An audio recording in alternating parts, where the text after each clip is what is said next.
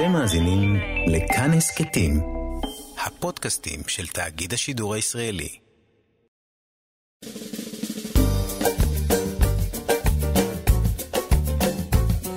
שישים החדש, עם איציק יושע. לחיות בגיל השלישי. שלום, שלום לכם מאזינות ומאזיני כאן תרבות. אנחנו במהדורת יום א' של 60 החדש. ריבוי מקרי ההונאה של זקנים מעורר את חברי הכנסת שלנו לפעולה, אנחנו נדבר על זה עוד מעט. נדבר גם על דמותו של יצחק אבי, אבינו בערוב ימיו ועל פלטפורמות דיגיטליות חדשות לבני הגיל השלישי.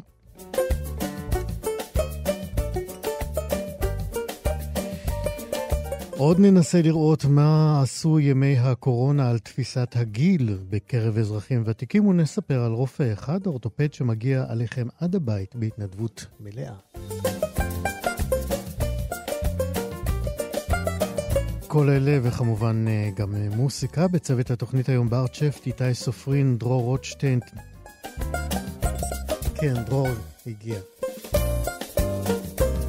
חן עוז עוזבת. אני איציק יושע איתכם עד 12.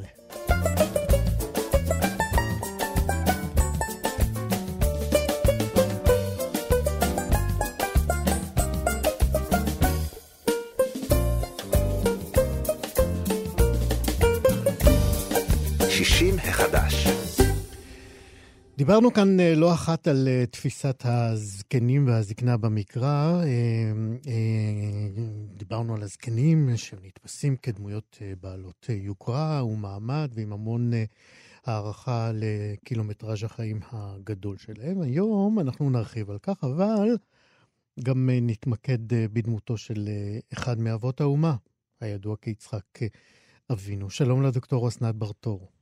שלום לך. את שלום מהחוג, יצחק. שלום יצחק, תודה. את מהחוג אה, למקרא באוניברסיטת תל אביב. נכון. אז uh, יצחק, שלא כמו אביו אברהם, uh, שהגיע לזקנה, בזקנתו אל המנוחה והנחלה, בנו, יצחק, שמגיע לגיל מאה, uh, כשהוא, בשפה שלנו היום, איך לומר את זה, מאבד את זה לגמרי. אפשר לומר את זה?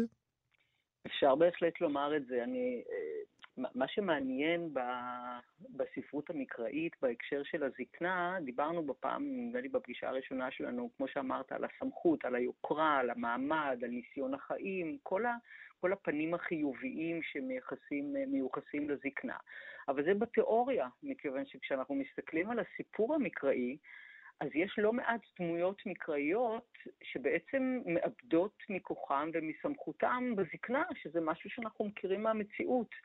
אה, יצחק הוא אחד מהם, יש גם, יש גם אחרים, אבל הפער הזה בין התיאוריה לבין המציאות הוא משהו שהסיפור המקראי לא מסתיר, אלא אפילו נותן לו מקום, וזה, וזה מאוד מעניין. כלומר, אה, מצד אחד מציג, מציגים את האידיאל, אבל מצד שני בעצם אומרים המציאות מראה דברים, אה, מראה דברים אחרים, ו, ויצחק אה, הוא דמות שזה מאוד מאוד מומחש בה, מכיוון שבזקנתו הוא כהה חושים, הוא לא רואה בכלל מה קורה מסביבו, הוא חסר אונים, הוא פסיבי, הוא בעצם הופך להיות קורבן המניפולציות של רבקה ושל יעקב, אשתו ובנו הפעלתניים, הדינמיים, הוא אפילו, אפשר לומר, מעורר בוז ורחמים, בוודאי לא, לא הערכה. אני רוצה אה, לומר איך בעצם זה מתחיל, ההתוודעות שלנו לזקנתו של, אה, של יצחק. ויהי כי זקן יצחק, ותכהנה עיניו מראות. זה ככה מתחיל. מדובר, כמו שאמרת, באדם בן מאה, הוא שוכב במיטה שלו עיוור, והוא מזמין את בנו הבכור, את עשיו, כי יש לו בקשה. עכשיו, מה היינו מצפים מאדם שעומד לעזוב את, את במת ההיסטוריה, אבי האומה, שכיב מירה, כלומר מישהו ש, שמעביר את, אתה יודע, את כל החיים אה, אה, אחורה ומנסה אולי לומר משהו משמעותי. היינו באמת מצפים, מצפים לאיזה דבר מורשת כן, גדול. משהו כזה, איזושהי כן. אמירה שיש בה איזשהו מסר לבנו. ומה הוא אומר לו? הנה נזקנתי, לא ידעתי יום מותי, ואתה שנה כלייך, תלייך וקשתך, וצא השדה, וצודה לי ציד, עשה לי מטעמים כאשר אהבתי. סטייק. מה שאני רוצה שאתה תביא לי, בני הבכור אה, היקר, אני רוצה שתעשה לי סטייק בדיוק כמו שאני אוהב. כלומר, זו הבקשה האחרונה של אבי האומה, וזה לא מרשים במיוחד. כלומר, כשחושבים על זה, יש בזה משהו אה, אה, טיפה שמגמד את הדמות הזאת. עכשיו, יש עוד נקודה שהיא עוד יותר בעייתית. את חושבת שלפני שנלך לנקודה הזאת, יש, יש בכך אה, כוונת מכוון של הסופר המקראי אה, לגמד את יצחק יחסית לאביו? אני בטוחה שיש בזה כוונת מכוון של הסופר, אבל זו לא כוונה שנועדה לגמד אותו, אלא זו ראייה, בעצם הוא נותן לנו כאן אה, את הראייה הפסיכולוגית של הדמות הזאת. כלומר, אדם שנעקד בנערותו, בילדותו, בנערותו על ידי אביו, לא יכול להיות דמות אה, משמעותית. כלומר, הוא לא יכול לייצר אמירות, הוא בעצם דמות פסיבית, הוא כל הזמן מעין, אנחנו, אני, אני אתן עוד מעט אה, אה, עובדות נוספות, הוא בעצם חי מת. כלומר, מרגע עקדתו, למרות שהוא חי, הוא מתואר כדמות שהכל מסביב קורה למרות נוכחותו. כלומר, הוא לא מניע את הדברים. זאת אומרת, הוא. קורבן של נסיבות בעצם. לגמרי, לגמרי. והדרך של הסופר המקראי זה לתת לנו את זה בכל מיני, אה, בכל מיני צורות. אחת הצורות זה בעצם להציג לנו את, את, את, את, ה, את האיש הזה בזקנתו. ואני רוצה לחזור לנקודה הנוספת ש, שאמרתי קודם, שהיא מאוד בעייתית, כי לא זו בלבד שהוא אה, מבקש, אה, שבקשתו האחרונה היא, היא בקשה של, של תאווה קולינרית. אלא שהוא אמור לדעת, נאמר לנו שהוא אוהב את עשיו יותר מאשר את יעקב, וזה לכאורה בסדר, גם כי עשיו הוא הגיבור, אבל הנימוק הוא פחות בסדר. ועוד יותר לא בסדר זה שהוא אמור לדעת את מה שרבקה יודעת, שאלוהים בחר ביעקב ולא בעשיו. כלומר, העיוורון של האיש הזקן הזה זה לא רק עיוורון פיזי, אלא גם... עיוורון אה, פוליטי, עיוורון, אפשר לומר. עיוורון פוליטי ומנטלי ו- ורוחני וכל מה ש... ועיוורון תיאולוגי, בוודאי, כל מה שאפשר לחשוב עליו. עכשיו, הנימוק ו... שהוא אומר... כן. הנימוק שהוא אומר למה, שהמספר אומר לנו למה הוא אוהב את עשיו, כי ציד בפיו.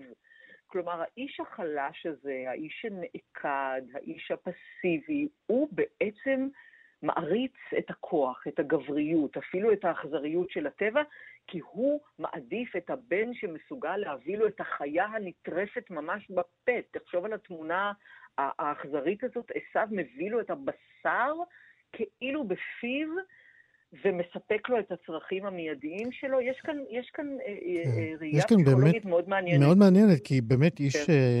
חולשותיו בעצם נפרסות לאורך כל הביוגרפיה שלו, מילדותו נכון. ועד זקנתו.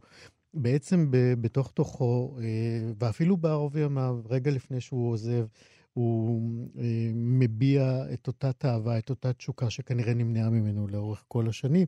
לא רק זה, דיברנו על זה בהקשר אחר, שיצחק דבק, דבק בבחורו, אה, כאילו שזה איזה סוג של נאמנות למסורת, אבל בהמשך הסיפורים המקראיים אנחנו רואים שתמיד הבחורים דווקא פספסו אה, את אה, המשימות, משימות החיים שלהם, כפי שיעדו להם אולי אבותיהם. נכון, יש נקודה נורא מעניינת בהקשר הזה, שמצד אחד הבכור הוא אמור להיות הפריבילגי. אבל בסיפור המקראי תמיד, תמיד, תמיד הבן הצעיר הוא הבן המועדף. כלומר, יש כאן איזושהי אמירה תיאולוגית, היא אגב קיימת גם בסיפור העממי. בסיפור העממי תמיד הצעיר הוא זה שזוכה בנסיכה כנגד כל ה... זה מין, זה, זה, זה מין וריאציה על מוטיב סינדרלה, כלומר, מישהו שבניגוד לכל כן, ה... אנחנו מכירים את זה עם בנימין אצל יעקב. בדיוק, אבל, נכון, אבל זה מתחיל מקין והבל. כמובן.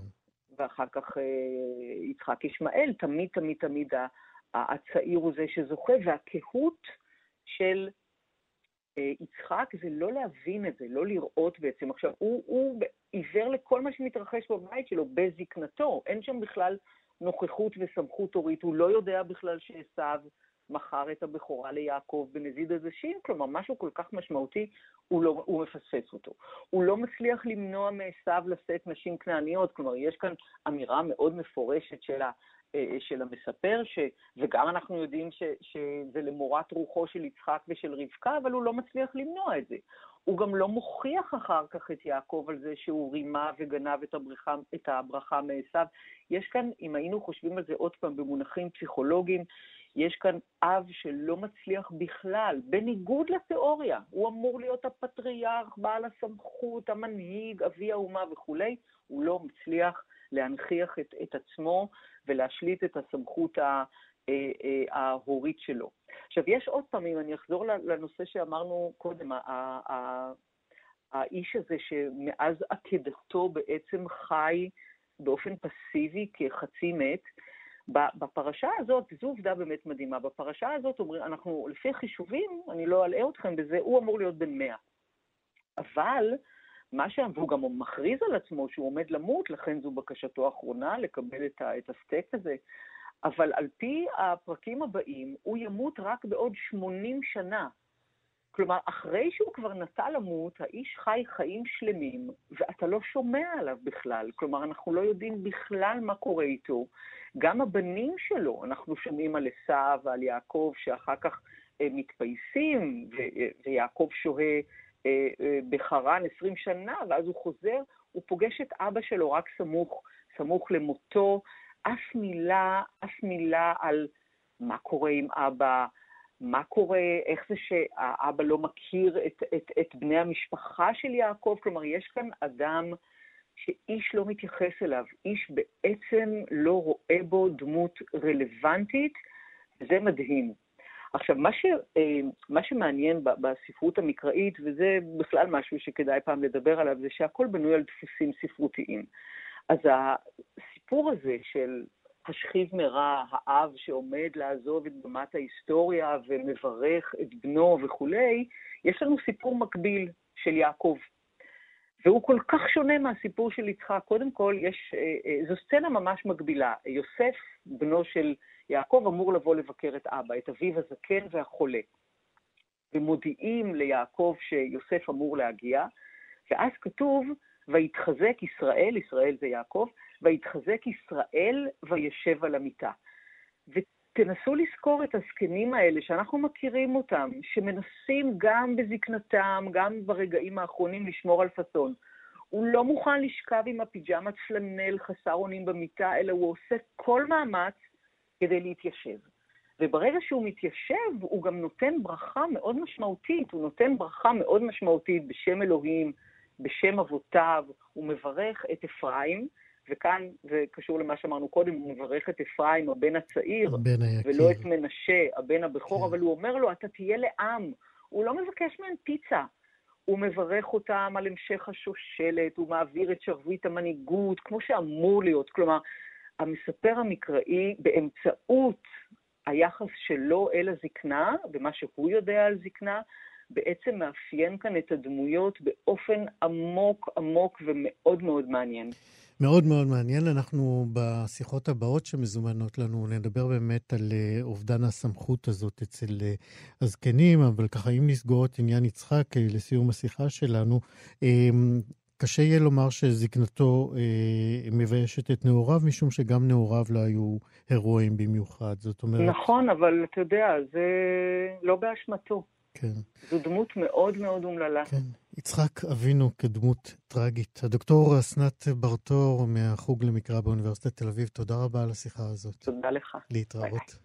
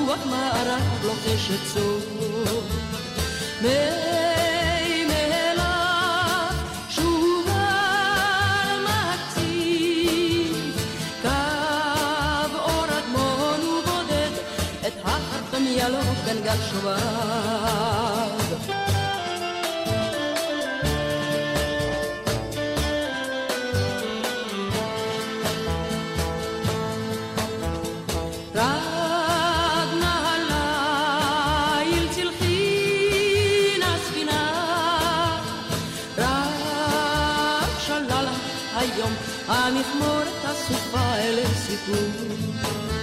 עולה יחרטון, מורם המנור. עם רוח של מלאך בים, נשות האלה מגן בחור.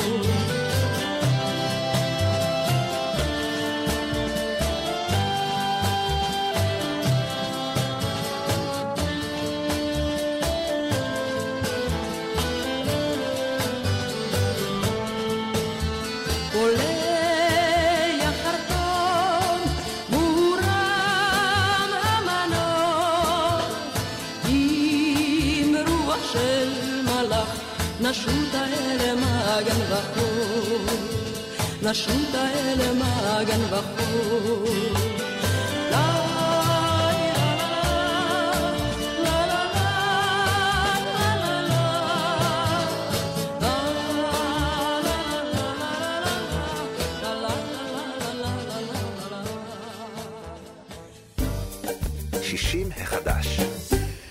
לא מעט פעמים אנחנו נחשפים אה, בתקשורת ובסביבותינו למעשי אה, מרמה, מעשי הונאה ותרגילי עוקץ שמופעלים כלפי אלפי זקנים וחסרי ישע, ותאוות הבצע האכזרית של הנוכלים האלה לא יודעת שובע, ומי שנזעק אה, לנסות לתת מענה חוקי לתופעה האיומה הזאת הוא חבר הכנסת מיכאל מלכיאלי מסיעת ש"ס.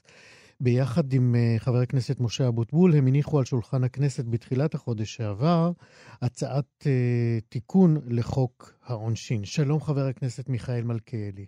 שלום וברכה וצהריים טובים. צהריים טובים, תודה שאתה מצטרף אלינו. הצעת התיקון הזאת שלכם היא בעצם המשך להצעות תיקון מכנסות קודמות שהחקיקה לא הושלמה בהן, נכון? כן, אני בכנסת העשרים אה, העליתי את הצעת חוק הזאת לוועדת שרים. לצערי היא לא קודמה ואז פוזרה הכנסת. כנסת ה-21-22, כולם יודעים מה היה. היום יש לנו כנסת סדירה, ברוך השם. ואני קודם כל רוצה גם להודות לכם שאתם מעלים את הנושא הזה על סדר היום. זה המנדט שהיא... שלנו. בהחלט, בהחלט. אני חושב שזה בליבת ההוויה של הערבות ההדדית שצריכה להיות בינינו, זה הצעת חוק הזאת. ואני, איך אומרים, אה, אה, מקווה שאני אוכל כמה שיותר להשלים את החקיקה הזאת. אוקיי, okay, אז אנחנו גם מקווים שתוכל להשלים אותה, אבל בואו בוא ככה נלך להתחלה כדי לנסות להבין מה הצעת החוק הזאת בעצם באה לפתור. קודם כל, אה, איך, איך מוגדר זקן בחוק? החוק מדבר שזה כן נקרא אדם מגיל 65. אתה יודע, אה, אה, בתלמוד, בתלמוד בבלי מוזכר שזקן, זה כל אדם שהוא בעצם מבוגר וחכם ממך. אני את הילדים שלי מחנך שגם אם יש אדם בגיל 30, 40, 50, גם לא רק גיל 65, אבל במענה לשאלתך, החוק אומר גיל 65, זה כבר נקרא זקן. הבנתי, וכך גם uh, מתייחס אליו החוק. מה אנחנו נכון. יודעים uh, ממה שמגיע אליכם, מה אנחנו יודעים על היקף התופעה של uh, הונאת uh, זקנים? מדי פעם יש כל מיני תחקירים של כלי התקשורת, תחקירים מבורכים שאני רק מקווה שילכו ויתרחבו בגלל לחשוף את אותם אנשים רעים, ככה אני קורא. רק אני גם לשולחני, יש כל כך הרבה פניות בשנים האחרונות. תן לי דוגמאות. אני אתן לך דוגמה, אדם שהוא בן 85, 87, ופתאום הילדים שלו מגלים שחייבו אותו באיזה חדר כושר. עכשיו הוא אומר, רגע, אני מעולם לא דרכתי בחדר כושר, אז אומרים לו, יום אחד באו, מכרו לו, אמרו לו, זה בשביל הבריאות שלך, הוא לא הבין מה רוצים, שמר בריאות, נתן הוראת קבע. עכשיו זה, המוכר, הוא, הוא יודע בוודאות שהוא משקר אותו. הוא יודע, אין, אין פה צד שני, זאת אומרת, זה לא שהוא טעה והוא התבלבל, זה ששיווק בטלפון ידע שהוא גונב פה אדם אה, חסר ישע. אה, אה, אני אתן לך דוגמה נוספת, התקשרו אליי, אה, התקשר אליי מישהו ש... איזה חברה צרכנית מכרה להם אה, מיקרוגל וקפה אה, וזה, אז הוא, שאל את אבא שלו, למה קנית את זה? אמרו לי, תוכל לארח את הנכדים, אין לו בכלל אה, כמעט נכדים שמארח אותם, ודחפו לו מוצרי חשמל, וחייבו לו את האשראי בתשלומים בלי סוף. עכשיו, זה דבר שאדם אה, אה, אה, יודע במודע, שהוא לוקח, הוא, לא מתקשר לאדם אה, אה, שהוא מאה אחוז אה, צלול ומוכר לו את כל הדברים האלה. ודאי שהוא תפס קורבן. לקח אותו כרטיס אשראי, מילא לו את הבית בארגזים. עכשיו, זה דבר שאני חושב ש... אבל זה, זה קורה באמת בכל מיני חברות אה, קיקיוניות, אה, אבל אנחנו יודעים שזה קורה גם אצל חברות אה, מאוד מהוגנות ומסודרות, כמו חברות סלולר שהן מאורגנות.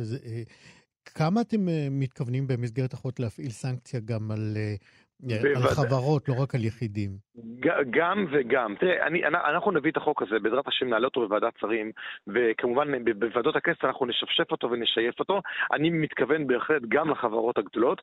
אה, אני אגיד לך, יש את התופעה של הש"ג, אז יש חברה ענקית, לא נזכיר שמות, לוקחים איזה פקיד אה, למטה בשדרה ונותנים לו למכור. אז מה, הוא יהיה אשם? זה הנחיות שהוא קיבל ממישהו למעלה. אני חושב שהחברה גדולה ככל שהיא תהיה, אמורה לקחת אחריות על כל אה, אה, העובדים שלה, עד הזוטר שבהם.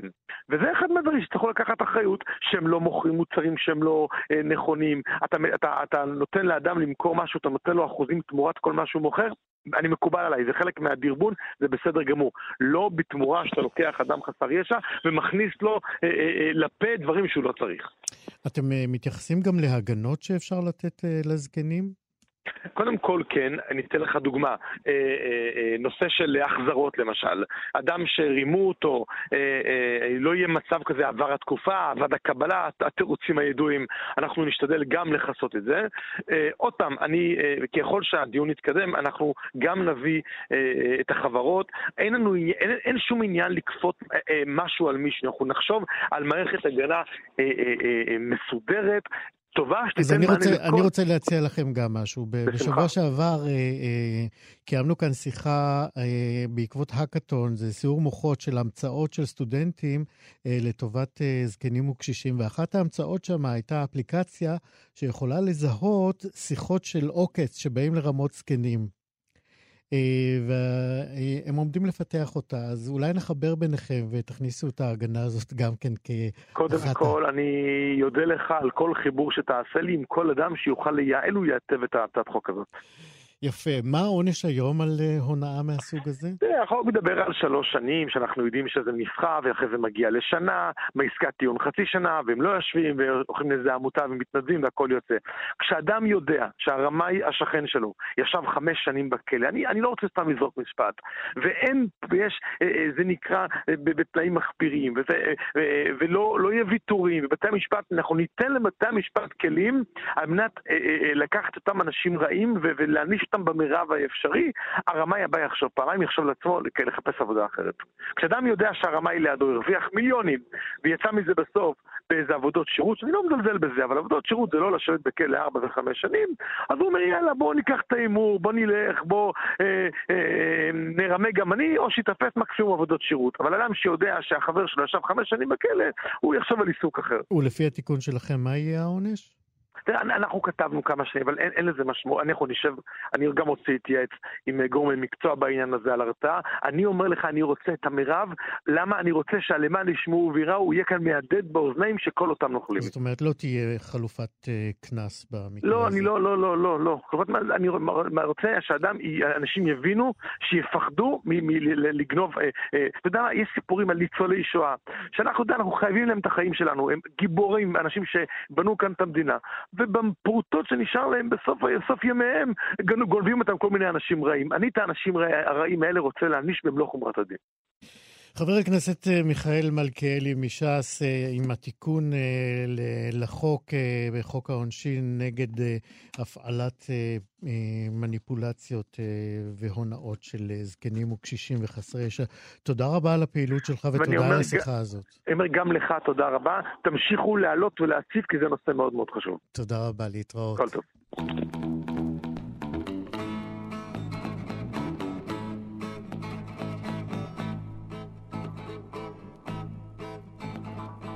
שבו החלו רועמים התותחים, באש פשטה בתוך שדות ובין בתים. עליתי על מגדל גבוה במרכז העיר, ובאוזני כולם התחלתי את דבריי מצהיר כי העולם עייף, וגם הלב כואב, וריח הגופרית את הנשמה מרעיד, כי העולם עייף, וגם הלב כואב, וריח הגופרית את הנשמה מרעיד,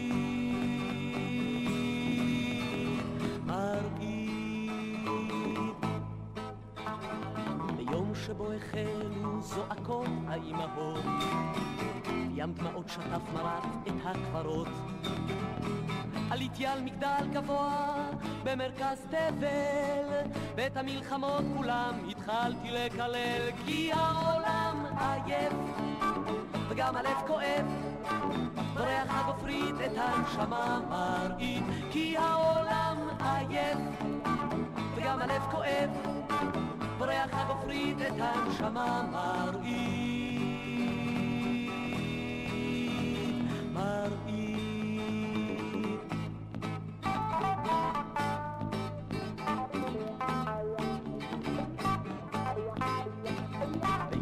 שבו חזרו צבאות מתוך שדות הקרב, ובפניהם כאב ובפיהם רעב. עליתי על צריח טנק שלצידי הכביש, ובאוזני כולם התחלתי את דבריי מכריז כי העולם עייף, וגם הלב כואב, וריח הגופרית את הנשמה מרעיד, כי העולם עייף, וגם הלב כואב, וריח הגופרית את הנשמה מרעיד, כי העולם עייף, וגם הלב כואב, וריח הגופרית את הנשמה מרעיד, כי העולם... 60 החדש. בין שלל התופעות החיוביות שהביאה הקורונה, טוב, בסדר, גם היו שליליות ומכוערות, נכון, אה, אבל בין היוזמות והתופעות החיוביות גם אה, עלו ופרחו כמה יוזמות שבאו לתת אה, מענה לאזרחים ותיקים בפלטפורמות הדיגיטליות. מן הסתם, הבידוד והריחוק החברתי הגבירו את הצורך בקיומן של הפלטפורמות האלה, וגם הגבירו את הצורך להפוך אותן לנגישות. דידי בן שלום היא מנהלת המיזם הלאומי לקידום אוריינות דיגיטלית בקרב אזרחים ותיקים בג'וינט אשל, ואנחנו אומרים שלום דידי. שלום וברכה. אנחנו מדברים בעצם על הקמתו של אה, אתר חדש, שבא למפות את כל הפעילויות שבאות לקדם בעצם אוריינות דיגיטלית בקרב אזרחים דיגיטליים, באזרחים ותיקים. אה, וממך קודם נבקש באמת לחזור ולהסביר מהי בעצם אוריינות דיגיטלית. אה, זאת שאלה מצוינת, אה, כי בעצם אה, מדובר גם בהמשגה יחסית חדשה, ויש הרבה מודלים שונים שמדברים עליה, אבל ככלל הכוונה היא לכלל המיומנויות והכישורים והידע שנדרשים ממך כשאתה בא לממש את המטרות והצרכים האישיים שלך בסביבה הדיגיטלית. כולל עצמאות דיגיטלית, זאת אומרת היכולת להמשיך ולהתעדכן ככל שהטכנולוגיה, כמו שאנחנו יודעים, משתנה באופן מאוד מאוד אה, מהיר, וגם היכולת לשמור על עצמך מסכנות אה, אפשריות ברשת. אז זה בעצם אה, ללמוד שפה חדשה, זה תרבות חדשה, שהיא גם לא סטטית, היא משתנה והיא דינמית כל הזמן, וזה אתגר מאוד מאוד גדול. והיום יש קצת ערבוב בין, בין שימושי דיגיטל לבין אוריינות דיגיטלית, אה, וכן נדרשת כאן איזושהי הבחנה, כשאני אישית לפחות שמה את הדגש באמת על עצמאות והמשך יכולת למידה גם כשהטכנולוגיה משתנה. זאת אומרת, בעצם תוך כדי הלמידה או הנגשת המיומנויות הדיגיטליות, גם מלמדים אותנו להתעדכן בהן ולהתקדם יחד איתן. נכון. אפילו ברמה הכי הכי בסיסית, שפתאום איזה מעצב מחליט אה, לשנות את הסביבה שאתה משתמש בה באופן תדיר, והכפתורים פתאום במקום אחר, שאם תחשוב על זה, זה משהו שלא קורה בעולם האנלוגי. זה לא קורה לרדיו, זה לא קורה למיקרוגל. זאת אומרת, אין לנו, אין לנו שום דבר בעולם הפיזי שפתאום בוקר אחד נראה אחרת. זה מאוד מבלבל. אה, וגם כשבאמת פתאום נוצרת טכנולוגיה חדשה או באז חדש שכולם מדברים עליו, להיות מסוגלת לבדוק אותו, להבין אם הוא רלוונטי לי או לא רלוונטי לי, ואם אני רוצה לאמץ אותו. תני לי דוגמה לשירות או אפליקציה או תוכנה כזאת ששימשה בני גיל שלישי והם לא, לא מצאו את הידיים ואת הרגליים כשבוקר אחד המעצב אה, קם עם איזה הארה, insight. וואי, הכל, כאילו Gmail. כל הזמן. אה, אני חייבת להגיד לך, אה, אתה מכיר את המונח מהגרים דיגיטליים? לא. זה מונח לא, לא מחקרי, אבל שמשתמשים בו לתאר את כל מי שנולד לפני 1980, ולא נולד עם הטכנולוגיה ביד, לא נולד עם טלפון, מהגרים, ביד. מהגרים, מהגרים דיגיטליים. כאילו הגענו מארץ אחרת, מפלנטה אחרת. חדש. אוקיי. לגמרי. הגענו לעולם חדש, אנחנו צריכים להסתגל לתרבות חדשה, ובאיזה הקשר רגע, אבל אני מספרת לך את זה? מה הייתה השאלה שלנו? רציתי לשמוע ממך דוגמה לשינוי באמת של אפליקציה או תוכנה שהמעצב יום אחד אה, החליט, קם בבוקר עם איזה רצון לשנות, והמשתמשים כן. איבדו את הידיים והרגליים. אני חושבת שאחת התוכנות, אה, או אחת הפלטפורמות שמשתנות זו ג'ימל למשל, אה, דואר אלקטרוני, כן. היא, היא פשוט אוהבת אה, להתחדש, אבל אפילו משהו כמו שינוי של צבעים, שעבור המעצב, שבדרך כלל הוא בחור צעיר, נראה כמו משהו מגניב ולא מזיק, עבור המבוגר יכול להיות מאוד מבלבל, ובטח שאם כפתורים משתנים, או האייקון עצמו משתנה. אני רגילה שבכל פלטפורמה יש לי זכוכית מגדלת שהיא מייצגת לי חיפוש, ופתאום מישהו מחליט לשנות אותה בפלטפורמה הזאת, זה מאוד מאוד מבלבל. מה עוד יש באתר החדש שלכם? איזה עוד אה, שימושים? אה, אז אני אגיד אה, קודם כל שהיוזמה היא יוזמה משותפת, ג'וינט אשל, כמו שאמרת, יחד עם המשרד לשוויון חברתי ומטה ישראל דיגיטלית. ראינו באמת בתקופה של הקורונה התעוררות מדהימה ומרגשת בשטח. בין אם זה מגזר שלישי, בין אם זה מגזר עסקי, גם בממשלה היו יוזמות מאוד מאוד יפות, והרבה מהיוזמות האלה לא היו נגישות בעצם לאנשים. אמרנו, טוב, דבר ראשון, בואו נאגד את כל מה שאנחנו מכירים, ובטח יש עוד הרבה דברים. בואו נאגד את הכל בפלטפורמה אחת, שיהיה נגיש לכל אדם שרוצה לעזור לאזרחים ותיקים להתחבר אה, לדיגיטל. ומה שעוד העלינו לשם זה שאנחנו בשנתיים האחרונות הרצנו פיילוט בשביל לעשות למידה זהו, בין יותר. 2018 ל-2020 נכון. הרצתם פיילוט, ובאמת רציתי לשאול, מה, מה למדתם מהפיילוט הזה, והאם אתם מיישמים אה, את מה שנלמד שם? בטח. למדנו שלא מלמדים אזרחים ותיקים כמו שצריך. שבאמת. אוקיי. נדר... נדרשת פה שיטת הוראה אחרת. אה, מה ש... מה זאת אומרת אחרת? במה היא שונה מהוראה לבני גילים אחרים? צעירים היא שונה אה, בתפיסה, קודם כל, שהמבוגר הוא לומד אקטיבי, שבא עם אה, מטרות, שהוא יודע מה הוא רוצה להשיג מתהליך הלמידה, שיש לו ניסיון עבר שיכול להיות מאוד רלוונטי לתהליך הלמידה, ושאם זה לא שימושי ורלוונטי וברור ליום-יום שלו, זה לא מעניין. זאת אומרת, אני לא מדברת על ילד שמושיבים אותו עכשיו בכיתה ומלמדים אותו אזרחות, כי זה מה שמלמדים. אני מדברת על בן אדם מבוגר, שיש לו עוד אה, דברים בחיים חוץ מלשבת אה, בקורס ולהקשיב למשהו שלא רלוונטי עבורו. אז צריך להיות מאוד שימושי, מאוד רלוונטי. צריך להיות מותאם לדברים שמשתנים אצל חלק מהאנשים בגיל המבוגר, בין אם זה ברמת הראייה, השמיעה, תפקוד קוגניטיבי, לפעמים גם פיזי. אה, כל האלמנטים האלה צריכים להילקח בחשבון. למשל, אה, כיתה שעשויה מקירות אה, זכוכית, שאנשים כל הזמן עוברים מבחוץ. עבור ילד, אולי זה בסדר. וככל שאנחנו מתבגרים, ההסחות דעת האלה מאוד מאוד מקשות על תהליך הלמידה. וגם אני כמרצה, אם אני רואה שיש איזה רחש איזו התנהלות בקבוצה, לאסוף את כולם חזרה, לחזור אל הדברים, בכלל חזרתיות ולאפשר כמה שיותר תרגול ועצמאות, ואחד הדברים אה, המובהקים זה למשל לא לעשות את הפעולה עבור האדם. לא לקחת לך את מכשיר הטלפון מהיד ולהראות לך mm-hmm. איך עושים, כי זה לא מאפשר לך את תהליך הלמידה. אז היה צריך באמת אה, לקחת הרבה תוכניות מאוד מאוד יפות שקורות בארץ, ולראות איך מתאימים אותן למה שלמדנו בתוך, ה, בתוך התהליך הזה, כן. בעזרת אנשי מקצוע.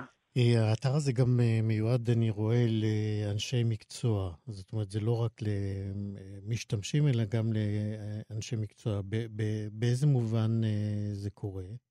הוא יותר מוכוון לאנשי מקצוע מאשר למשתמשים, mm-hmm. למען האמת, כי הוא מניח כבר איזושהי רמה של אוריינות. חשבתי אוקיי. כן, הוא מניח כבר איזושהי רמה של אוריינות דיגיטלית ושליטה. זאת אומרת, אם אתה לא אוריין, יהיה לך קשה להגיע לאתר, יהיה לך קשה להתמצא באתר. אז זה יותר עבור, בין אם זה בן משפחה, או מתנדב, או איש מקצוע בקהילה, שרוצה לאפשר אה, לאזרח הוותיק באמת להיחשף לכלים והזדמנויות שיש בקהילה. אז ההנחה היא שכן יש כאן איזשהו מתווך ואיזשהו אה, מקשר, מי שכבר יש לו את הרמה הבסיסית, אז בהחלט יכול להיכנס לאתר ולהיעזר בעוד מקורות יפה. מידע שיש שם.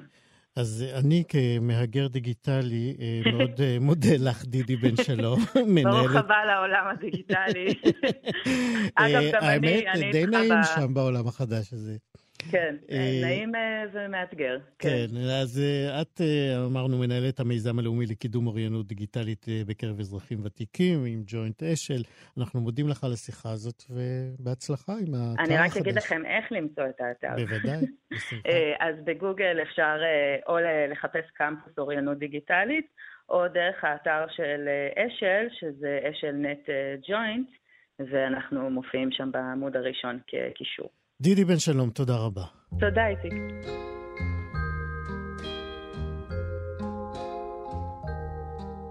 בחורף הגשם טפף על הגג, אמרה כי לבן וצבעה האהוב, ליד אז הגיש לה צרור נרקיסים ריחני ורטוב צחקה נערי החביב עוד נשוב נדבר באביב דבר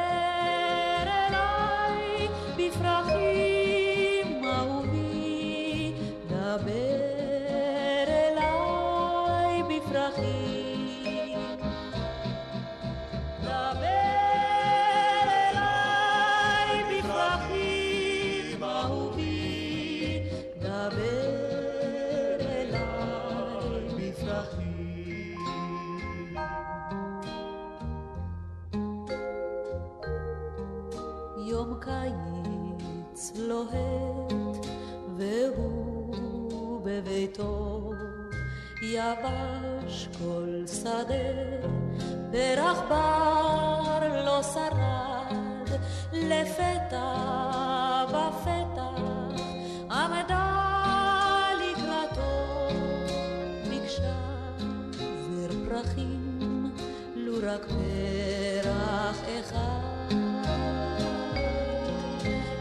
ייתן והכל כבר יבש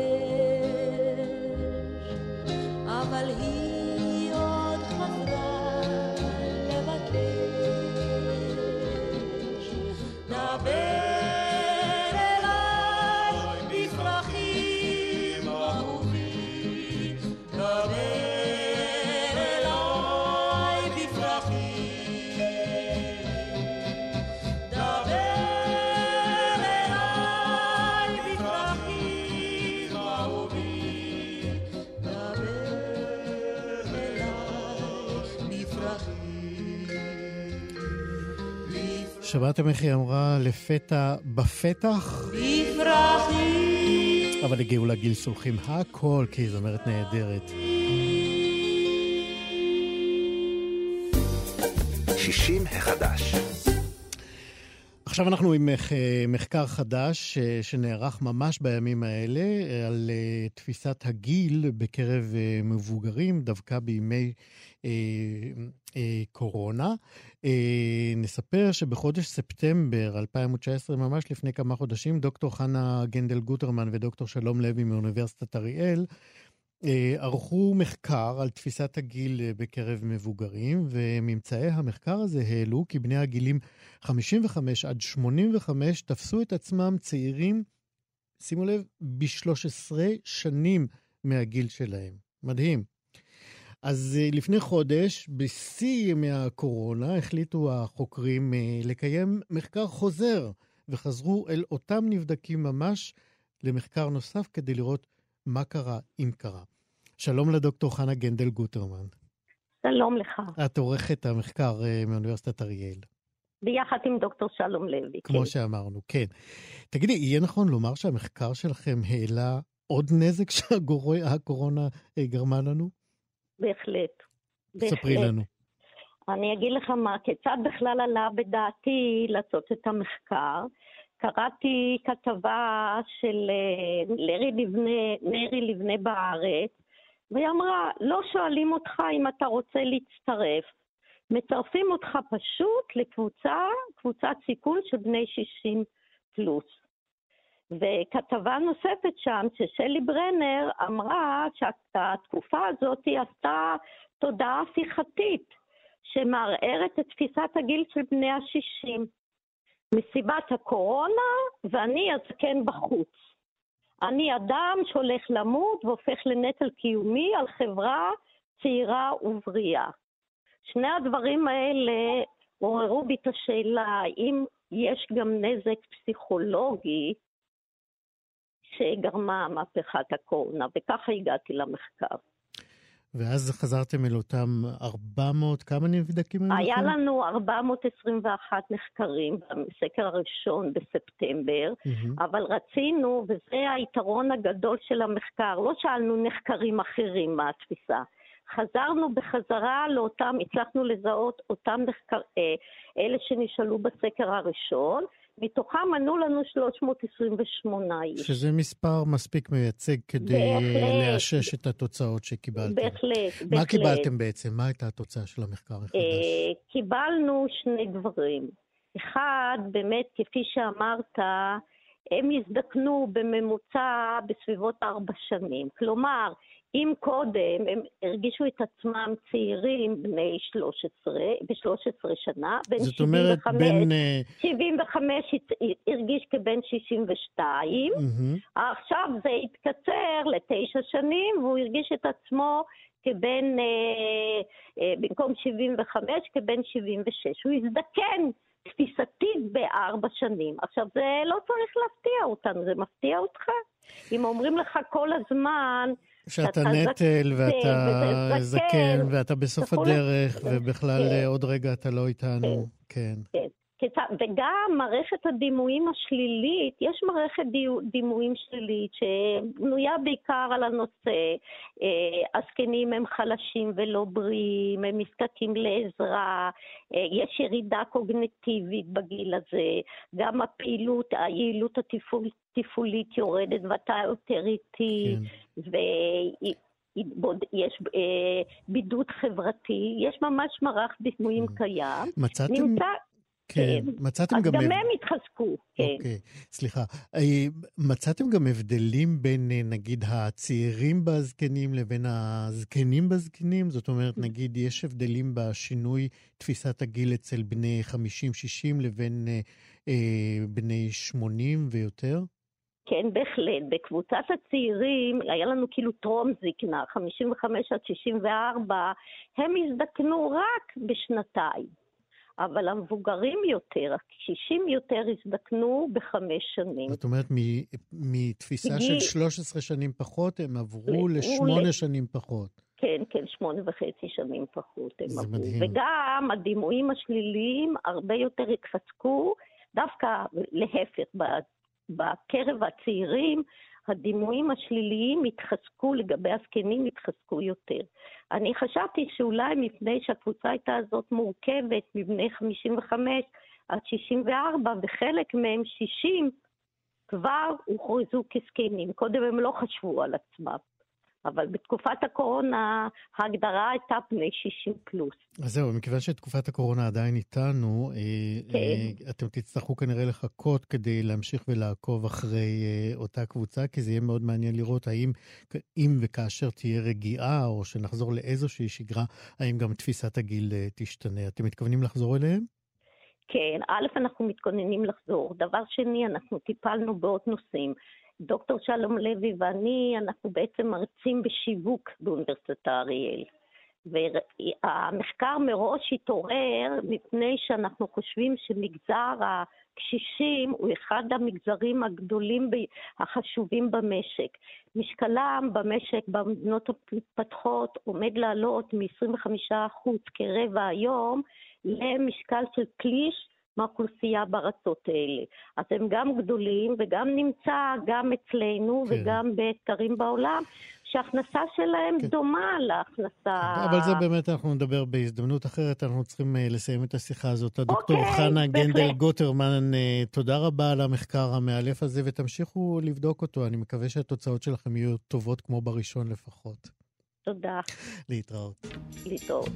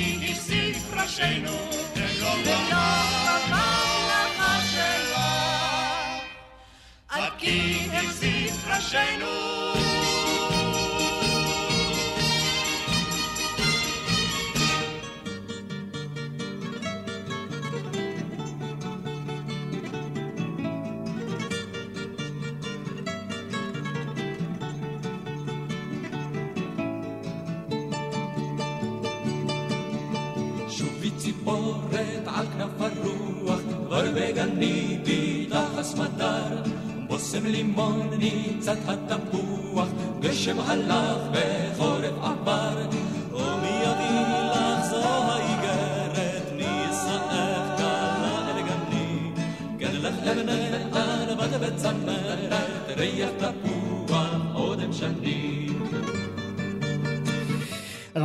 נאלצים להיפרד מהפרברים, כי אנחנו עכשיו אל פינת המעשים הטובים אה, שאין לנו, אבל אה, עכשיו אה, תהיה לנו.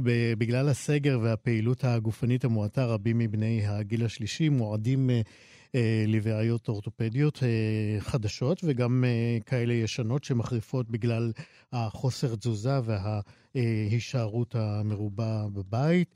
אה, דוקטור אמיר רובין הוא מומחה באורתופדיה במכבי שירותי בריאות, ובימי הקורונה הוא מגיע לבתיהם של ניצולי שואה וקשישים אחרים, ומעניק להם טיפול והכול בחינם. שלום, דוקטור רובין.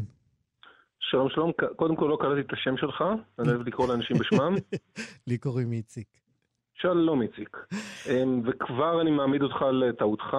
תודה שבאת באמת. כן, לא? דבר, בימי הסגר החמור אני בתקופה מסוימת אה, הספקתי לראות אה, די הרבה ניצולי שואה.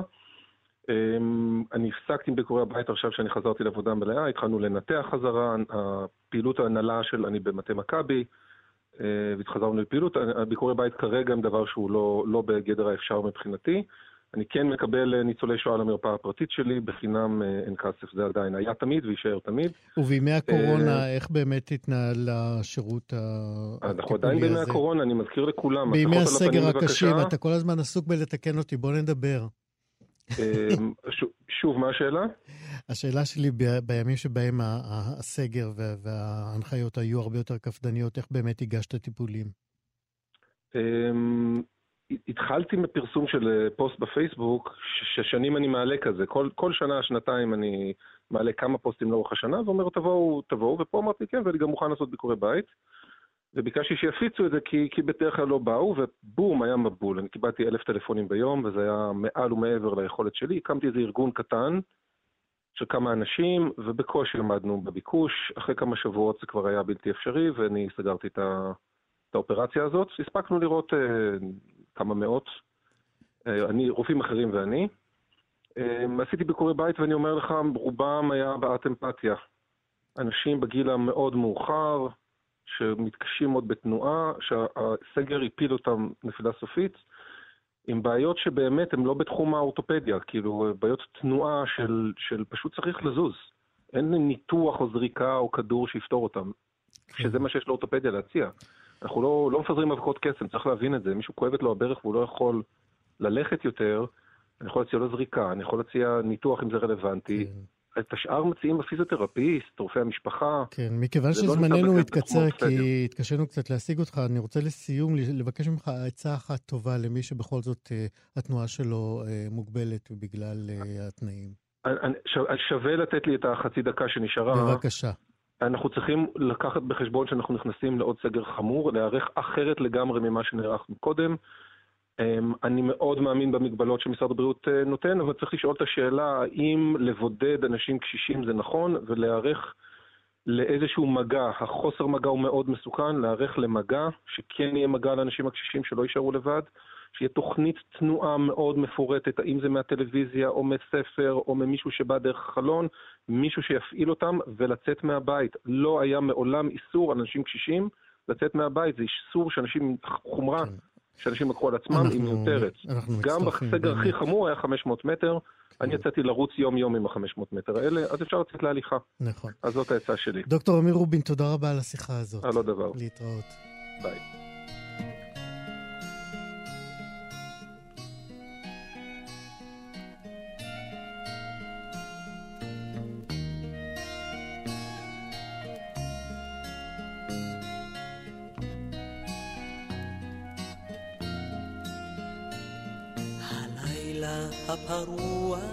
העכור, שער כמו היה רטוב שדים.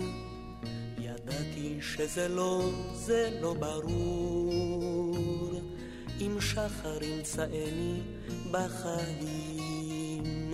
מפל מערבולות גרוני חר, הכל נטרף ולא אדע מתי. הבנתי שהכל הכל עבר, וכמו באגדות נשארתי חי. אפגוש עוד בירוק של השדרות, אכתוב עוד חיוכן של נערות, ארוץ עוד עם הרוח אל הים, דודים ציפורים עוד לישון ונאות פיוט חם של ילדים. עוד שיר חדש אכתוב במסתרים איך זה עוד בזריחות האלוהים זהו חברים, עם הלאהוב את החיים הזה של דני גרנות, אנחנו מסיימים את מהדורת יום א' של שישי מחדש אחרינו, מה שכרוך עם יובל אביבי ומאיה סלע. תודה רבה לצוות ברצ'פט, איתי סופרין, דרור רוטשטיין, אני איציק יושע, נתראה כאן מחר.